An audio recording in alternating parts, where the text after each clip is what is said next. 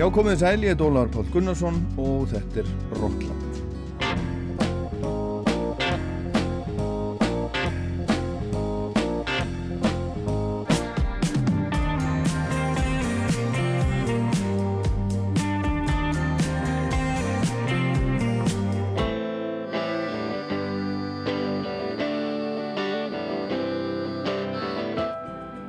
Mesta púðrið þetturum í dag fyrir í Bono, söngvara U2. Bono var að senda frá sér bók, æfisögu sem að heitir Surrender, 40 Songs, One Story, allt um það hérna rétt á ettir. Og Margaret Martinsdóttir, bladakona á stundinni, sá Sigur Rós í Amsterdam í vikunni sem leið og hún sendir okkur postkort með kveðjum frá Sigur Rós. En nú stýttist í að strákarnir okkar, Sigur Rós komi heim Þeir spila strákarnir í lögatarsvöld 25. november sem að er förstudagskvöld og svo var líka ervefs um helgina. Og það var uppselt og virkilega gaman að upplifa aftur ervefs stemninguna. Og hún er svo sannarlega enþá til staðar. Þetta var svona eins og bara ákveðin enduræsing fólk hefur enna áhuga á að sapna saman hitta annað fólk og hlusta á músík. Og það er hrikalega skemmtilegt þegar vel tekst til.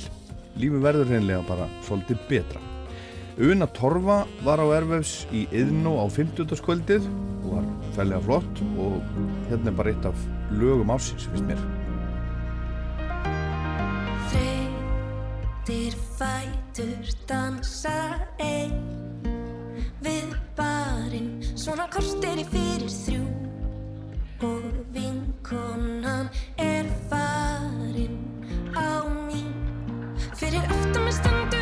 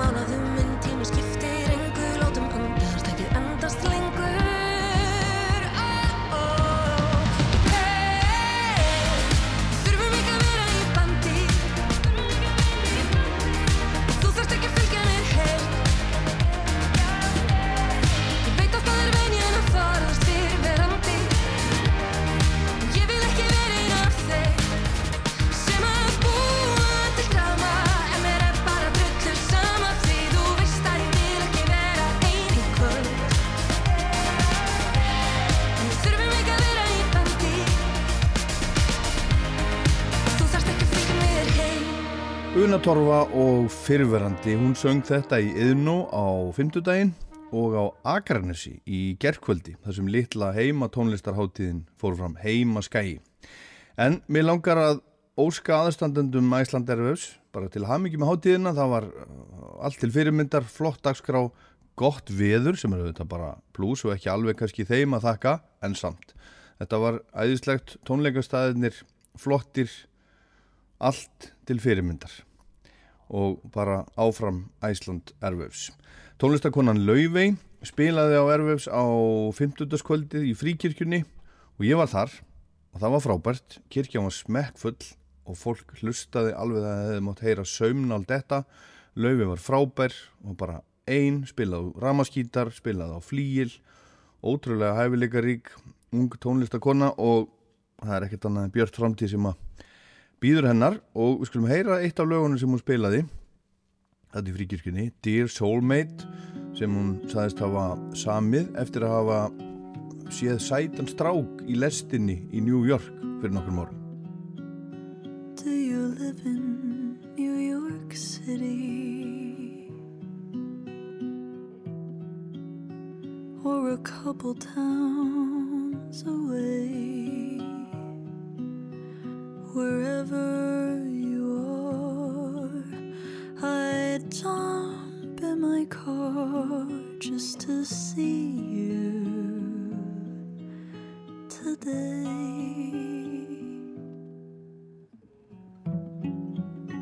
Will I meet you at a party? Sit next to you on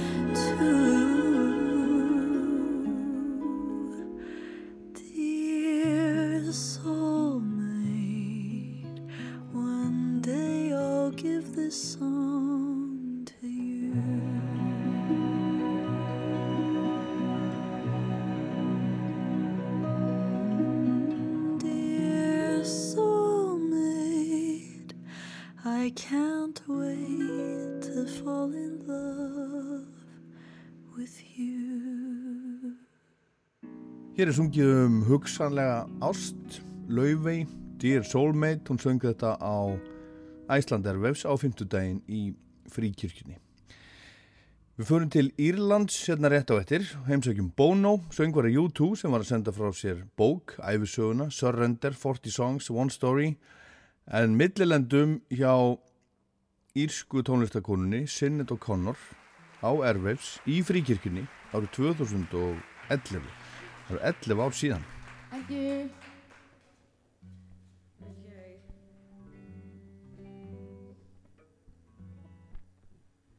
Um, I was managed briefly um, by a guy called Paul McGuinness, who manages you too, right? And they had this song called "This Is Not a Rebel Song," and I wrote this song, and it was a love song, but it was also about Ireland. Only Paul McGuinness wanted me to only say it was a love song, so I disagreed. So I call it "This Is a Fucking Rebel Song" with a big I S.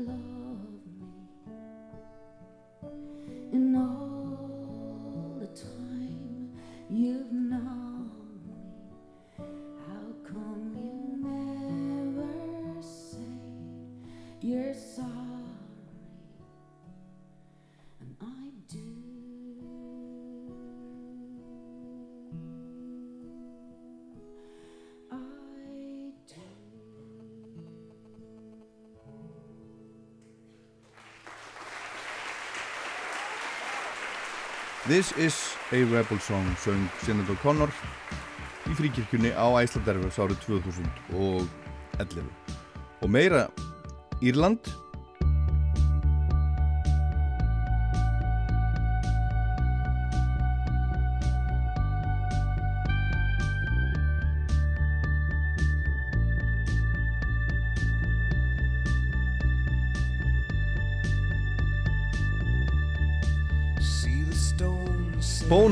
Bono, söngvari U2 rockstjarnar nummer eitt í heiminum er búinn að eða kannski rockstjórna nummer 1 í heiminum hann er búin að skrifa bók eins konar æfisögu sem heitir Surrender 40 Songs Þetta er personlega bók, segja allir sem hann hafa lesið. Hún er komin út, ekki komin í búðir á Íslandi, mér vitalega, er samt á leiðinni.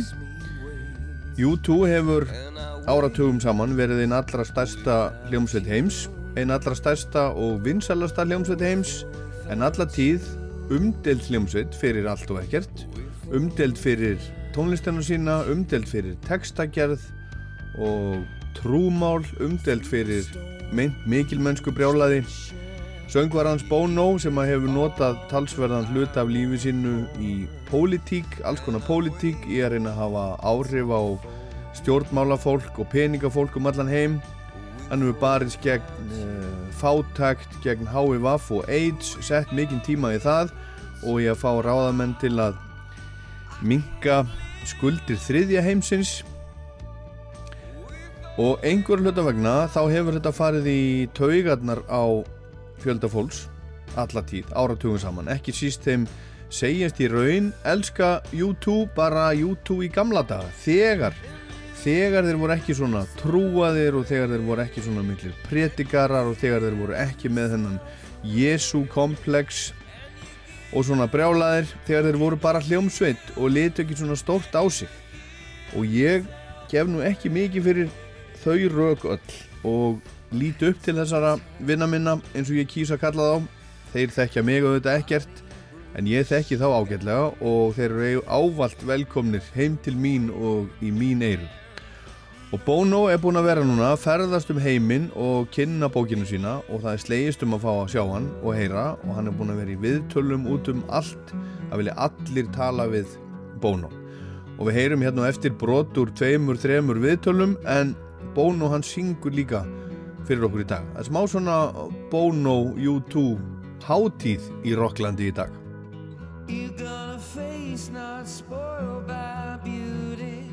I have some scars from where I've been You got eyes that can see right through me You're not afraid of anything they've seen I was told that I would feel nothing the first time.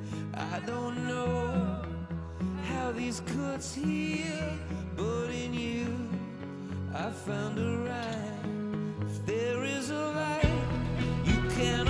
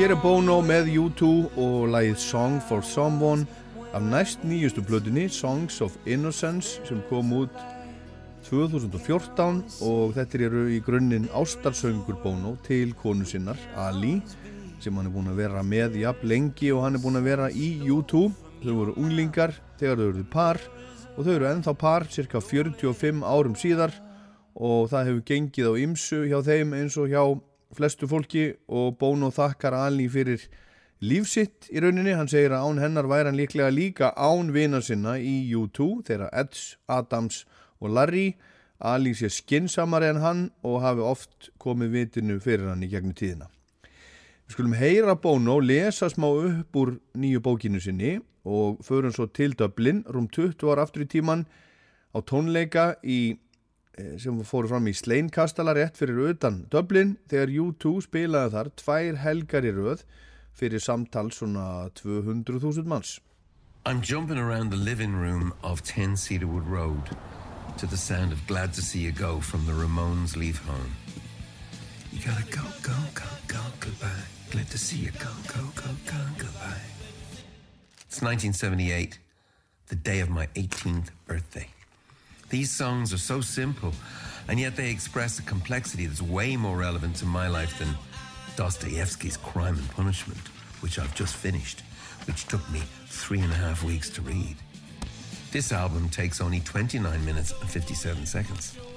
Songs so simple that even I can play them on guitar, and I can't play guitar. Songs so simple, even I might be able to write one. This would be some kind of personal revolution, the reverberations of which might be felt all the way upstairs to the empty room of my older brother Norman. Or more importantly still, down the hallway to the kitchen, where the da is sitting. My dad, who wants to talk to me about getting a job. A job? A job is a thing where you do something you don't really like for eight hours a day for five or six days a week, in return for money to help you to do the stuff on the weekend you want to do all the time. I know I would like to avoid work. I, I, I know that if I could do what I love, then I would never have to work a day in my life. But there's a problem. Even in my pimple teenage obnoxiousness, I know that this is unlikely if I'm not great at something. And I am not great at something. I am not great at anything. Well, I'm a pretty good mimic. My friend Reggie Manuel says the reason I ran off with his girlfriend Shona was all down to my Ian Paisley impression. I'm quite good at channeling the bellicose ranting of the Reverend Ian Paisley, leader of the Unionists in the North. No surrender! My Ian Paisley impression makes Shona laugh so much that I tell myself she is vulnerable to my advances. But I also know that I'm vulnerable to losing her to Keith, what's his face, because it's not enough just to be funny. You have to be smart as well, and I'm smart enough to know I'm not smart enough. Wasn't so long ago I was smart at school, but lately I can't concentrate on anything except girls and music. I'm smart enough to see a correlation. I can paint quite well, but not like my best friend Googie. I can write prose quite well, but not as well as that know-all from 50 or Neil McCormick, who writes for the school magazine. I've played with the idea of being a journalist, fantasized about being a foreign correspondent, reporting from war zones. But to be a journalist, you have to do well at exams, and I'm having problems with exams. Problems in being in school to sit them. And anyway, there's another war zone I'm involved in. In our street, at my house, in my head. Why go all the way to Timbuktu as a war correspondent? And there's so much good material under my bed. The fears and specters under my pillow. The reasons I sometimes don't want to get out of bed. I don't yet know that rock and roll, punk rock in particular, will prove my liberation, that it will end my occupation of my bed.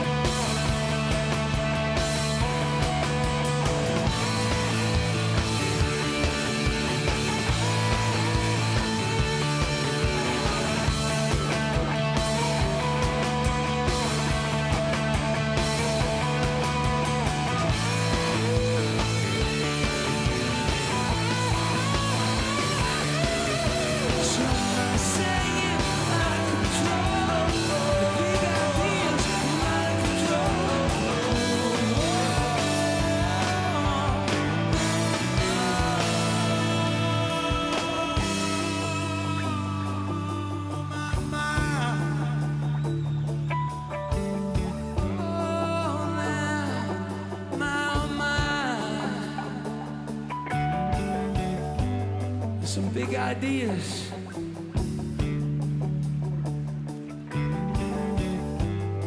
Father, I need a land of 500 pounds because we're gonna go over to London. We're gonna score ourselves a record deal. And when we get our record deal, London. We're not gonna go to New York City. We're gonna stay and base our crew in Dublin.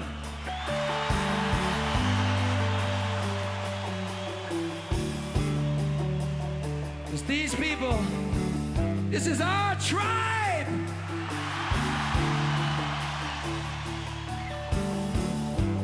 But I still need a land of 500 pounds. What do you say?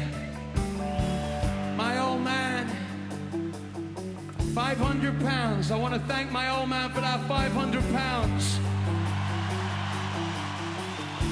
I want to thank Larry Mullen's father for 500 pounds. The Edge's mother, father for 500 pounds. Adam Clayton's family for 500 pounds. And by now, you've probably all given us about 500 pounds each too, so thank you. I'm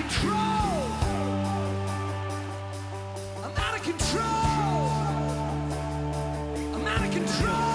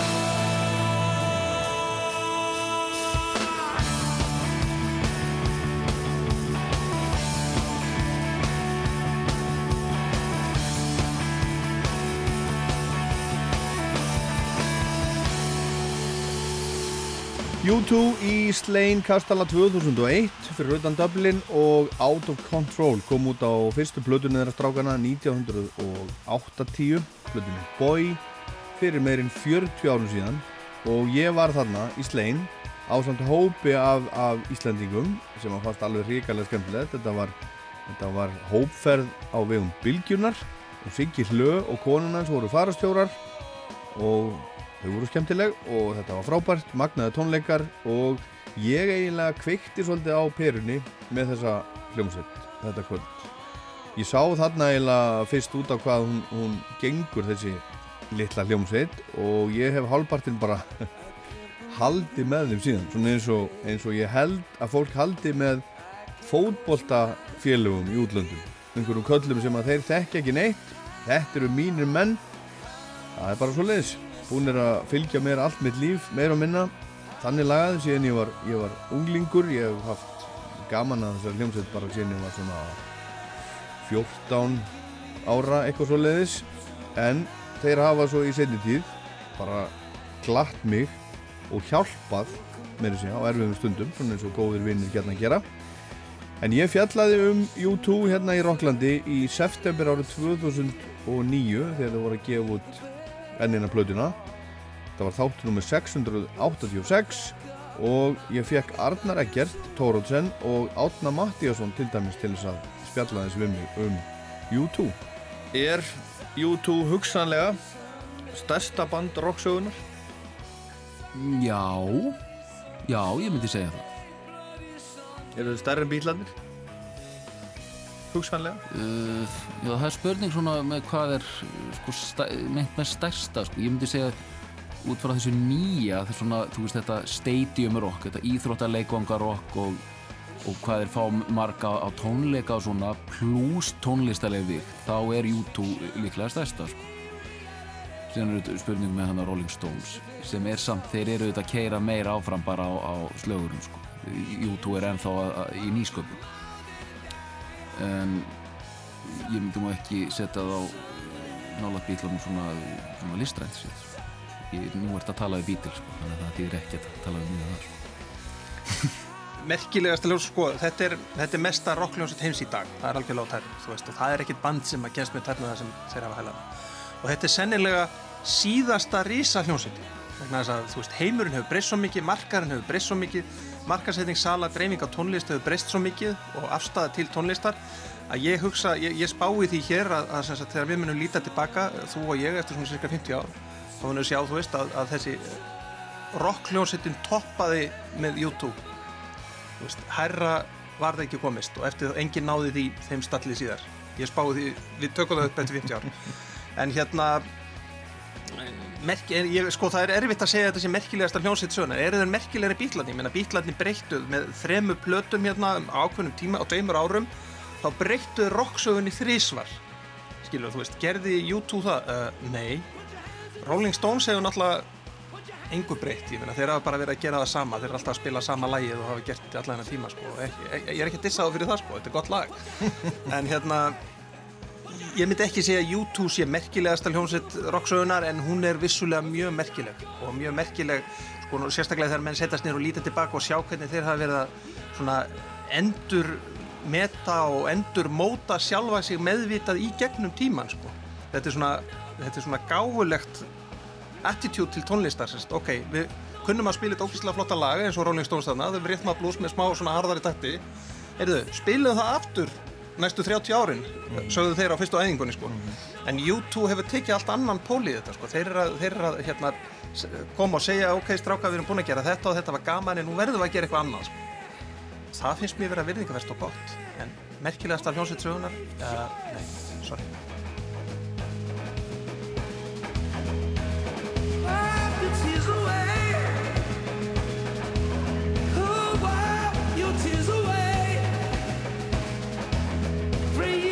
Dr. Omar. we turn the song into a prayer. Three years after Omar, why beauty's away? Who why beauty's away?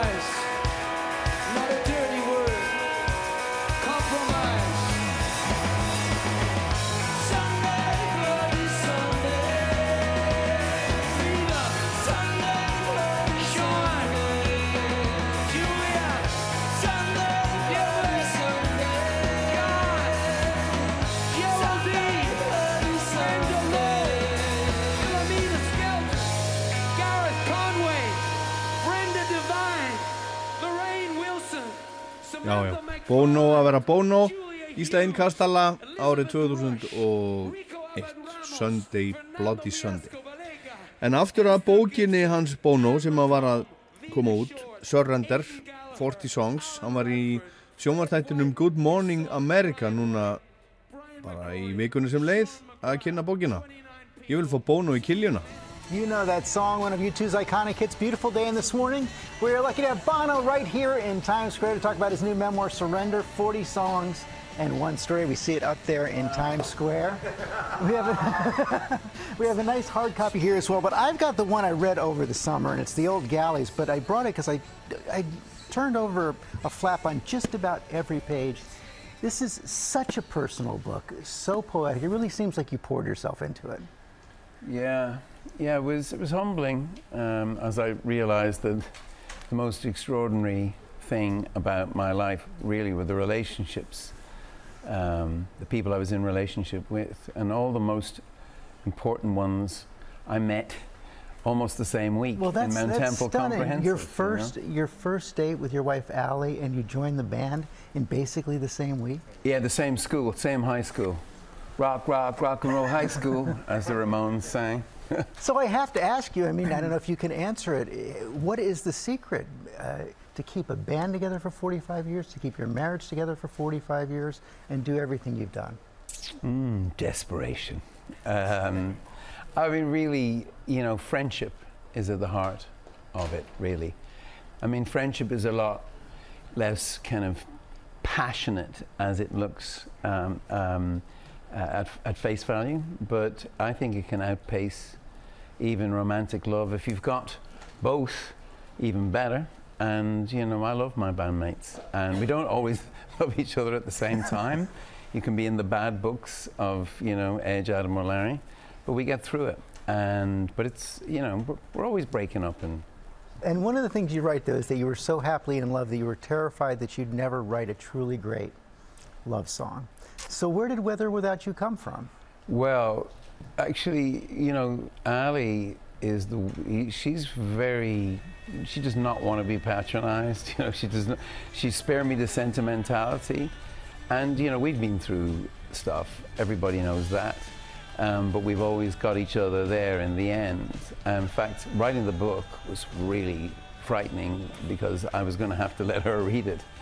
And she came back with, with spellings mostly. there was a couple of sections she wanted removed, but that'll tell you who she is. And so, yeah, and those dark, twisted love songs, I mean, that's as much from Roy Orbison or, you know, listening. It's, it's just kind of the music I like. I don't like that sa- those saccharine love songs.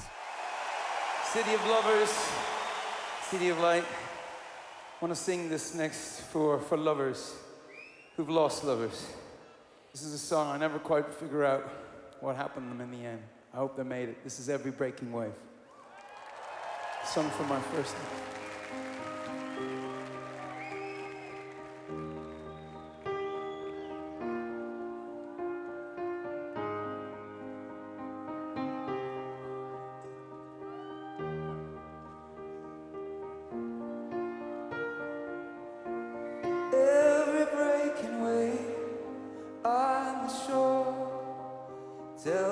next one there'll be one more. And every gambler knows that to lose is what you're really there for. Summer hours feel restless. Now speaking to an answer fall.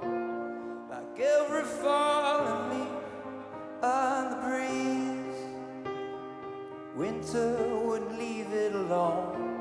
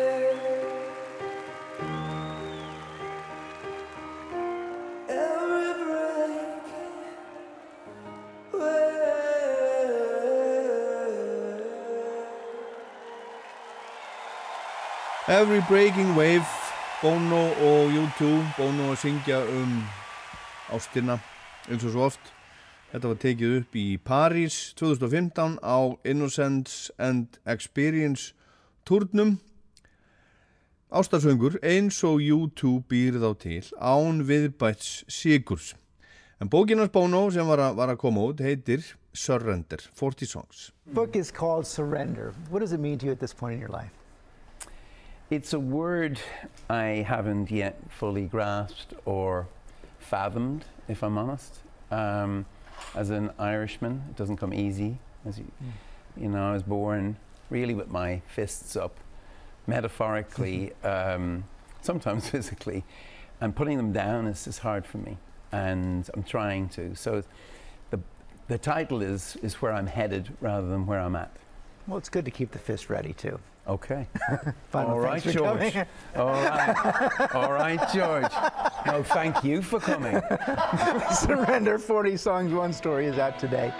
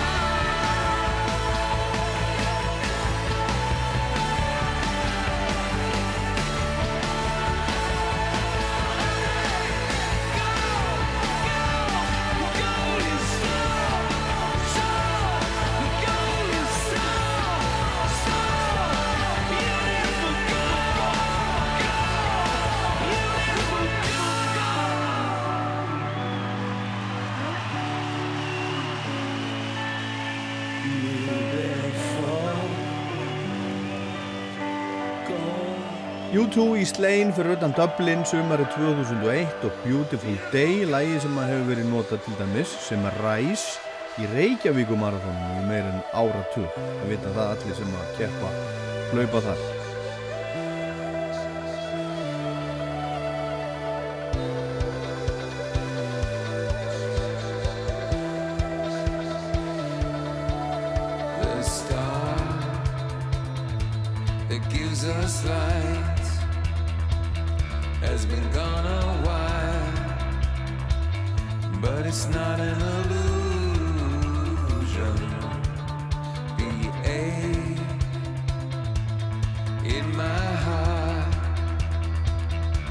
so much a part of who I am.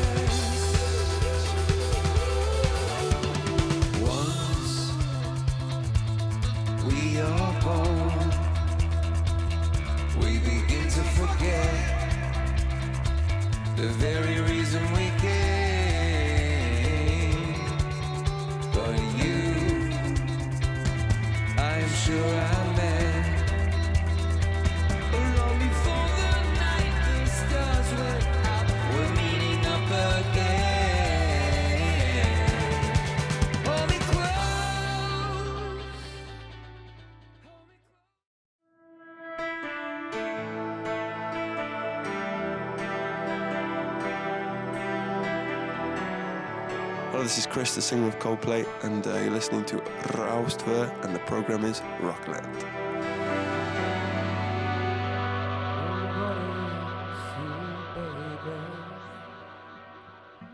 no one to blame No one to point the finger. It's just you and me and the rain. Nobody made you do it. No one put words in your mouth. Nobody here taking orders. When love took a train heading south, it's the blind leading the blind. It's the stuff, the stuff of country songs. If God will send his angels, and if God will send a sign, and if God will send his angels, will everything be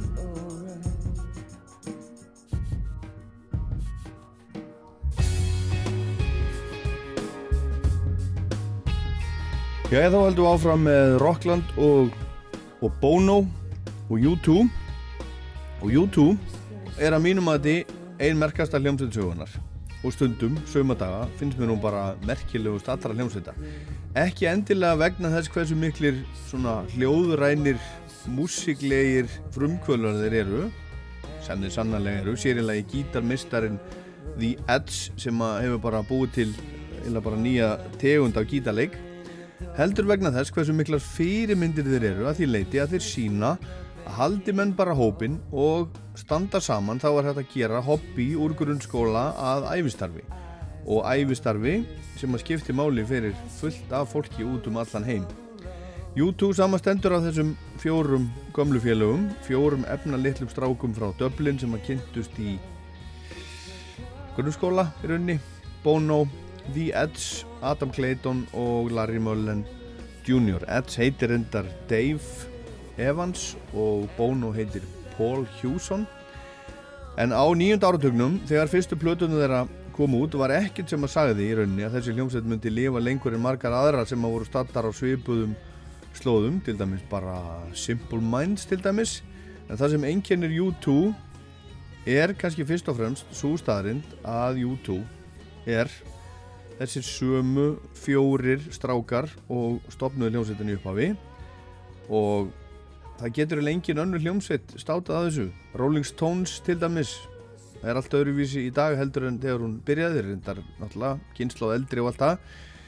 En það eru bara engar aðra hljómsveitir. YouTube er alltaf sama bandið sömu fjórir strákarnir sama sínin og sömu draumandir Björk Guðmustóttir hefur verið dálitið í umræðunni undanfarið, hún var að senda frá sér plötuna Fossora og sitt sínis hverjum eins og svo oft og var hérna í viðtali um daginn til dæmis í Rocklandi, þið getur fundið það í rúfspilaranum.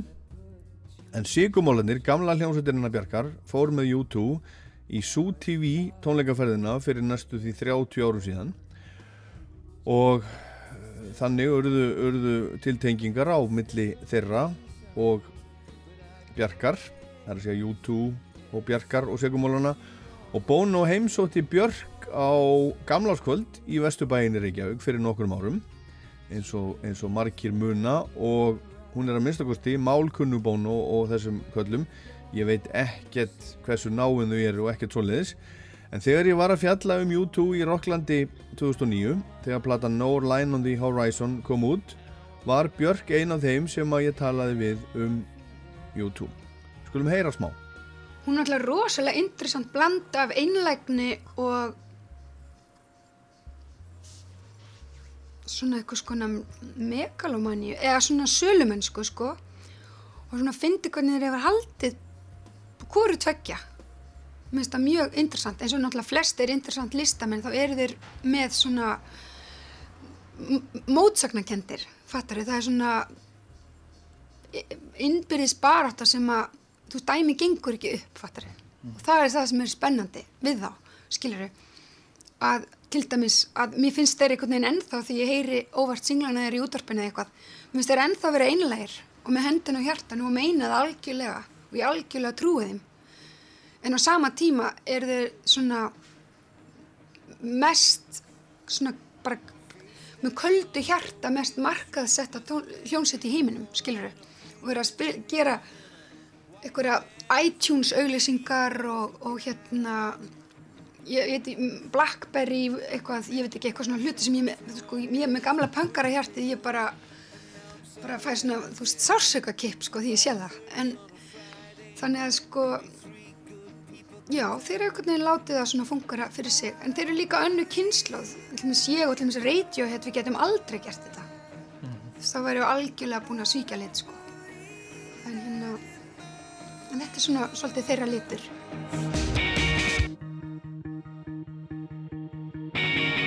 Face down on a pillow of shame. There's some girls with a needle trying to spell my name. My body's not a canvas, my body's now a toilet wall. I don't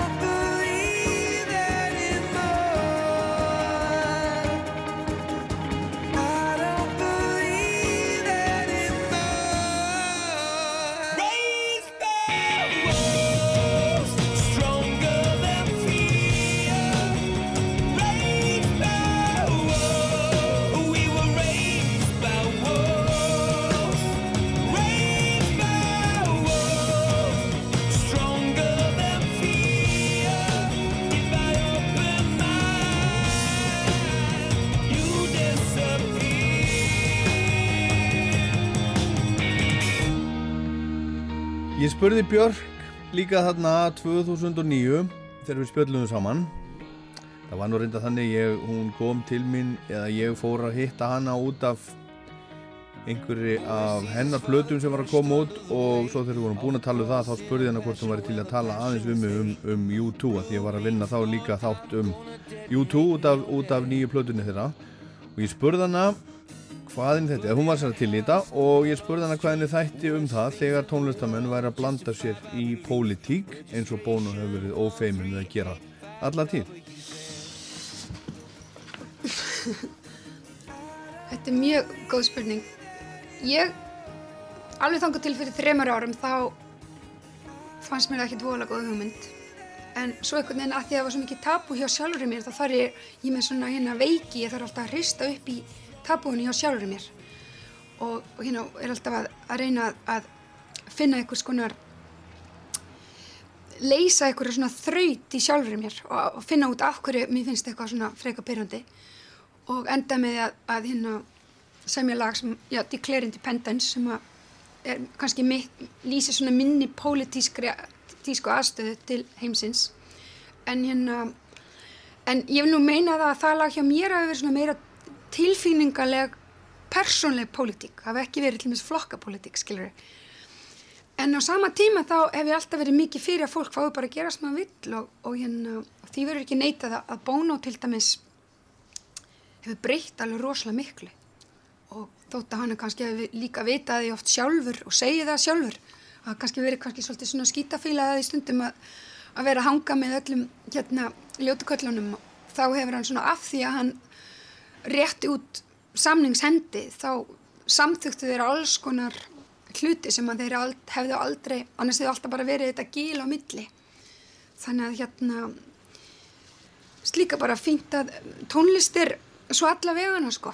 Það, er hérna til íþrótta fókbaltasöngvar og það er til klassisk tónlist og sálmar og jarðafara sálmar og þannig að ég held að bara allt eigi að fá að vera til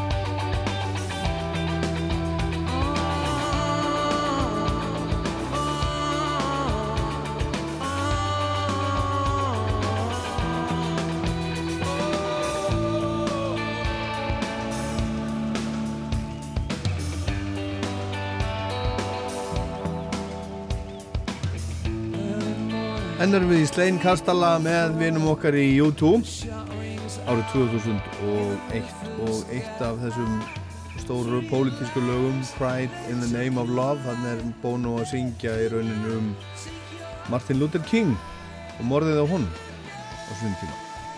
Og ég spurði Björk hvað henni finnist um um það um, hvort að tónlistarfólk eins og Bono hefði einhver raunveruleg áhrif Ég held það sko. Ég fylgist nú að vísa ekkert rosalega vel með. Ég fylgst meira með Íslandi en ég hef til dæmis þarna þegar hann held allavega þess að fundi með George Bush þá fóru alls konar hlutir í gegn og, og ég, eða þú veist, það er náttúrulega bara mörg hundru biljóna ekkur verkefni sem hafa aðstofverkefni við Afríku og svona sem hafa orðið til bara hans tilstöðlan sko. Þannig að það er kannski ekki takt að Er alltaf að rífa það í sig, skilur en það er samt ekki hægt að rífa það í sig því að, skilur það hefur borið ávöxt. Thank you for coming out. Thank you for queuing in the rain. Spending your hard-earned cash. You've given us a great life. This is our law.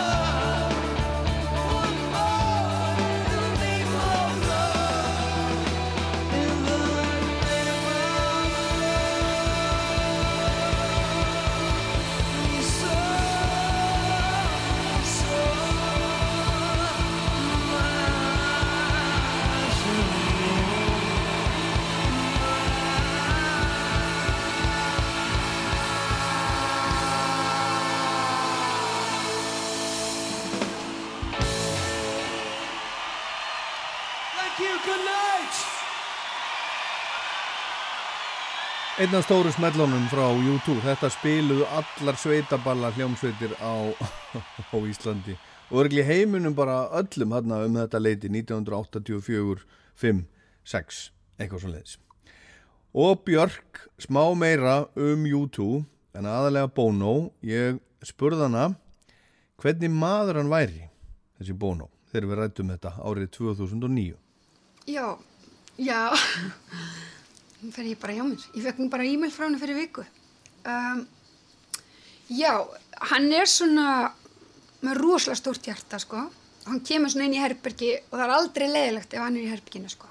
Hann er svona mikill svona sögumæður, þú veist, hann er náttúrulega mikill íri og finnst svona, hva, hvað heitir það á íslensku?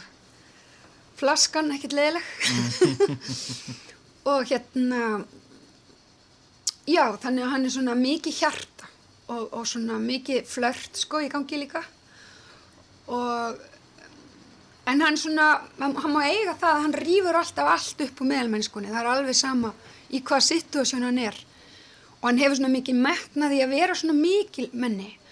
Og svolítið kannski eitthvað sem aðskilur okkur eða mín kynslu hún var svona meira í því að vera, fara ekki þangað. En hann er svona svolítið svona, minnst það svolítið sjarmirandi við hann. Hann er svona, þú veist, heldur mikið til þessu upp á Fidel Castro og, og Mandela og, og þú veist, hérna Muhammad Ali og vill, þú veist, sér sér svolítið svona í þessum hóp, þú veist hann trúir á svona, þú veist, næstu í svona einhverja 19. aldar romantíska hugsunum svona mikilmenni, þú veist og er mikilmenni, skilur þannig að vissuleiti getur hann verið svona algjörlega óþálandi þannig, þú veist, að því hann maður er að tala við hann og hann er það er oft eins og maður sé að tala svona við stopnun en ekki manneski, skilur en en á sama tíma einhvern veginn, þá er þetta með einlagnina. Þú veist, þá er hann alveg með svona, þú veist blöyt augu og, og alveg svona opið hjarta og ég maður þenni í síkumúla túrtum í gamla daga, þá voru 400 manns í tjöldum sem ferðust sko til að setja hennar túr upp, þetta var svo stór túr.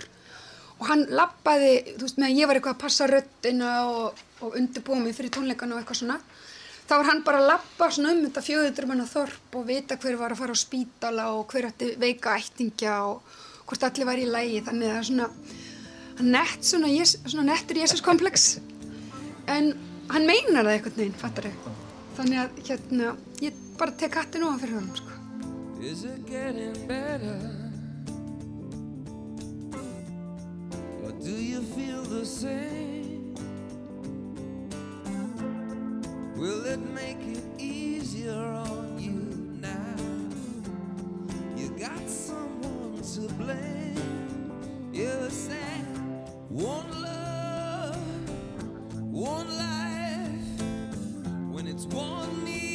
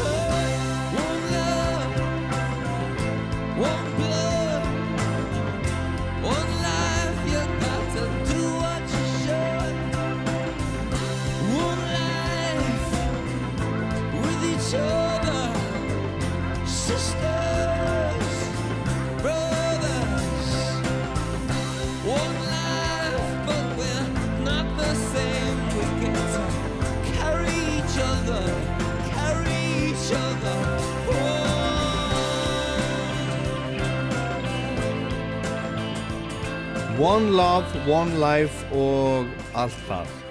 U2 eitt er að þekktasta lag. Og það var nú í bókinni, ég finn þetta ekki alveg, þetta er í, þetta er í Róklandi eftir Hallgrím Helgason þá, þá einhvern veginn eh, gerir hann nú pínlítið, pínlítið grína þessu.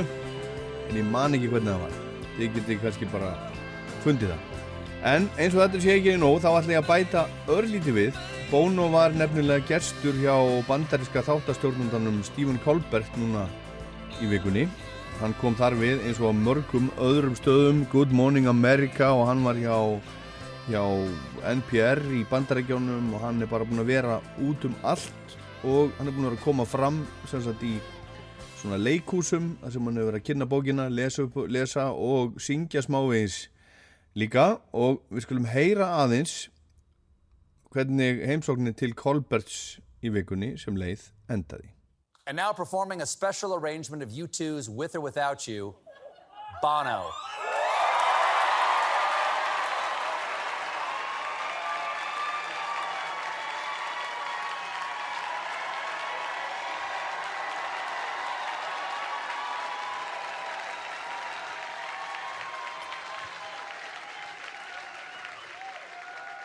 Right, this is not exactly rock and roll, but this is my new book. And uh, if you let me just tell you a story as how we got to the song, um, that would be great. Are you, are you up for that? Indulge me. So this is the first house myself and Ali, the missus, moved into. It was a round tower. I'm about to talk to you about that. Here it goes. The walls of the Martello Tower were made of granite and seven foot thick. It was a fort containing three circular rooms, two bathrooms, and a kitchen built into the walls.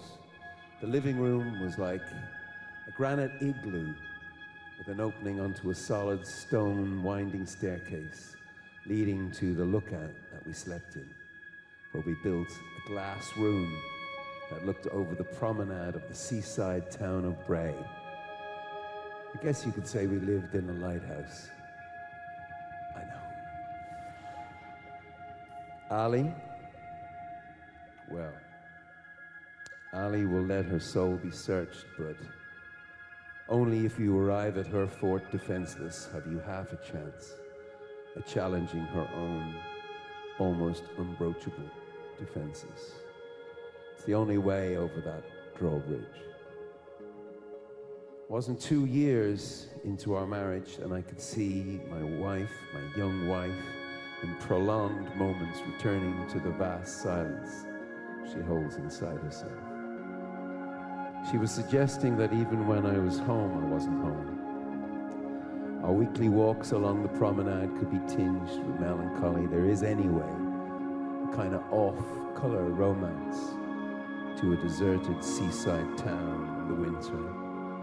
Your heart's opera scored by the sound of the tide crashing over a stony beach, shushing everything as the waves try to make up their mind whether they're leaving or staying, leaving or staying, leaving or staying. White waves kissing black stones, shushing all around.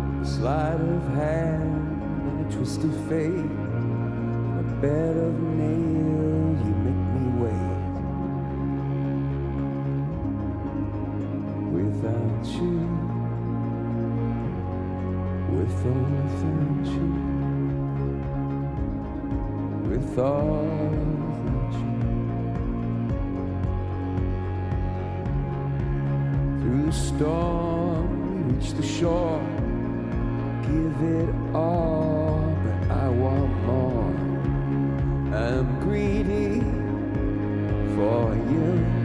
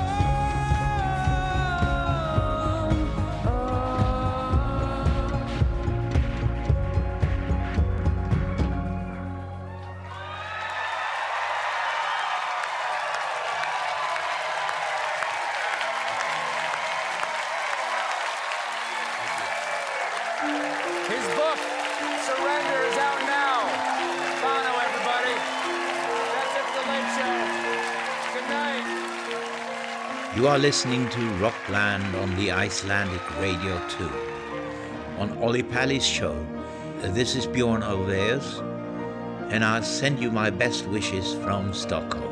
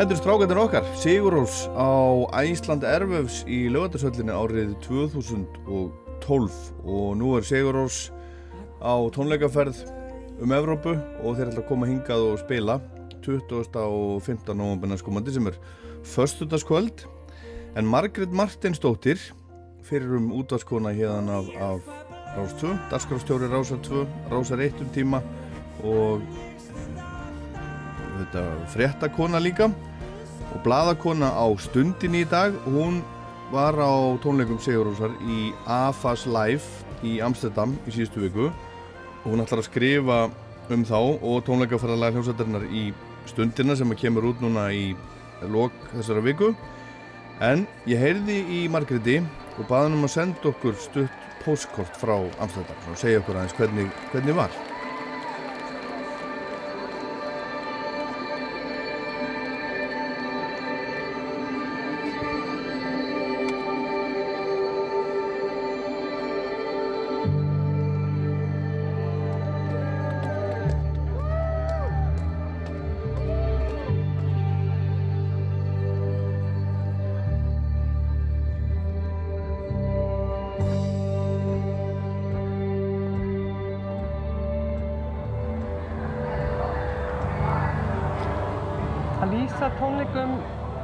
Sigurósar en ég veit það ekki.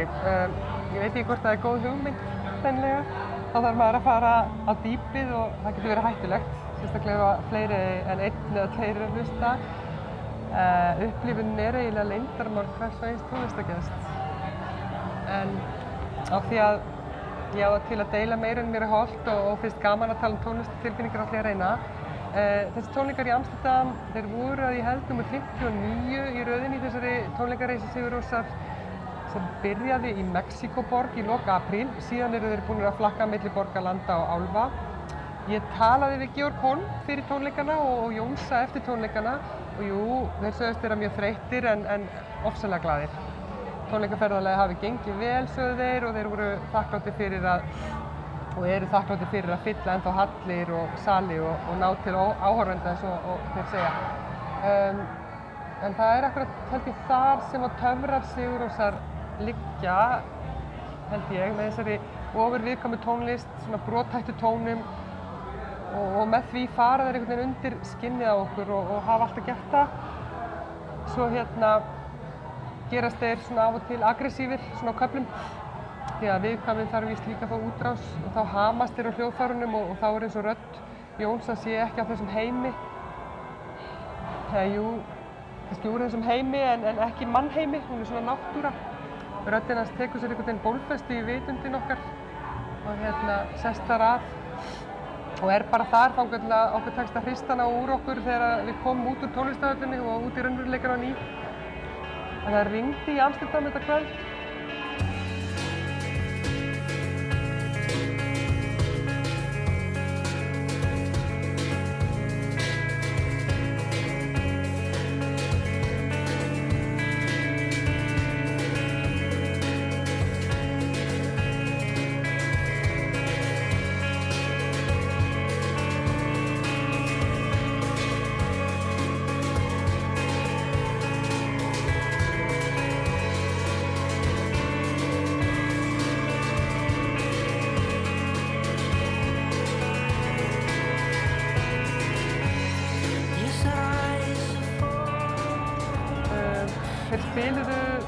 tæpa þrjá tíma, byrjuðu á læginu Vaka sem var á Sveigaplutunni, svo kalluðu, og, og fjallaði líka um einveruna.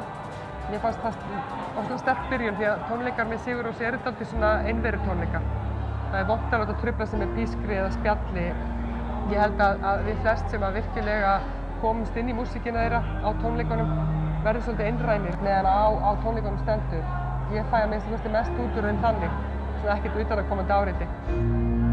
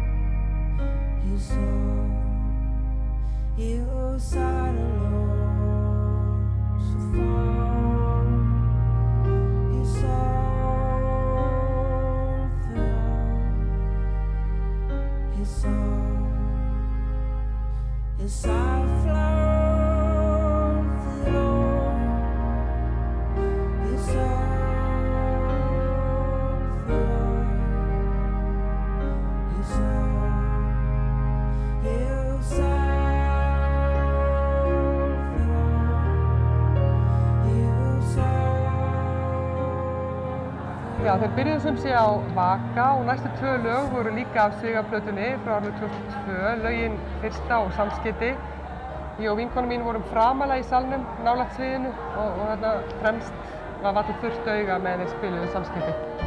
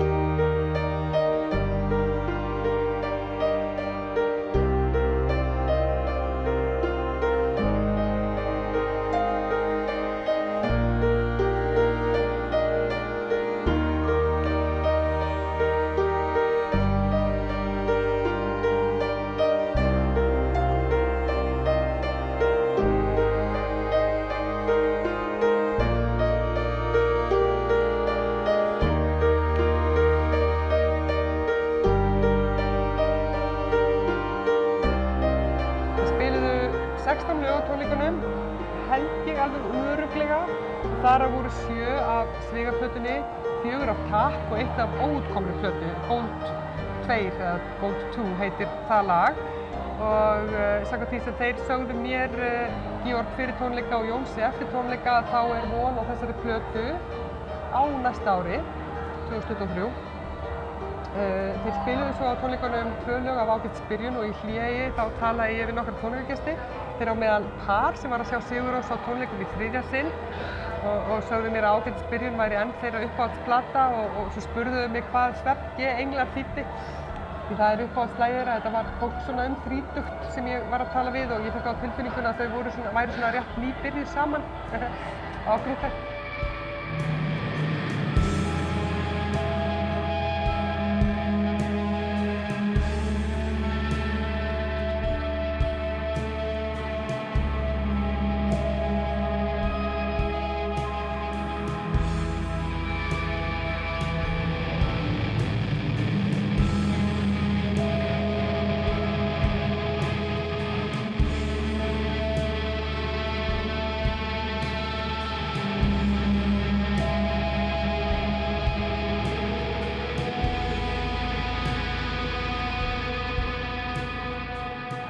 heiti ég líka hjón á áttræðisaldri, alls ekki nýbyrju saman, hollendingar sem komu frá Rotterdam til Amsterdam til að sjá Sigurós í, í sjötta sinn. Miklir aðdándur og þau sögðust ekkert skilja í því að tónleikagestir virtist vera að yngjast. Um, og þau nefndu líka að það væri minna gráti á þessum tónleikum en fyrir tónleikum sem þau hefðu séð með sveitinni. Og ég spurði þau hvar þau væri í salnum og þau sögðust vera aftarlega. Ég sagði þeim að það væri gráti fremst og eftir hlýja sá ég þau upp við sviðið. Ég tók ekki eftir hvort þau grétu.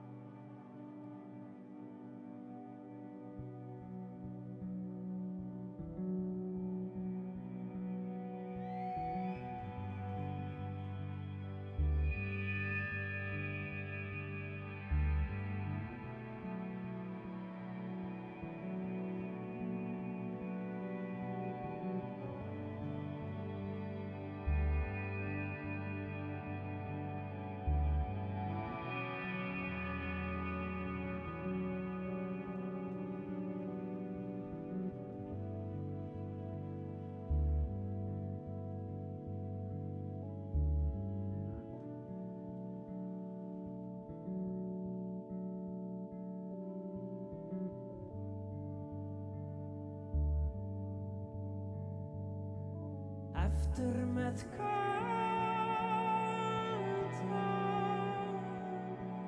í kæftinu sem bæ Læstur er hlá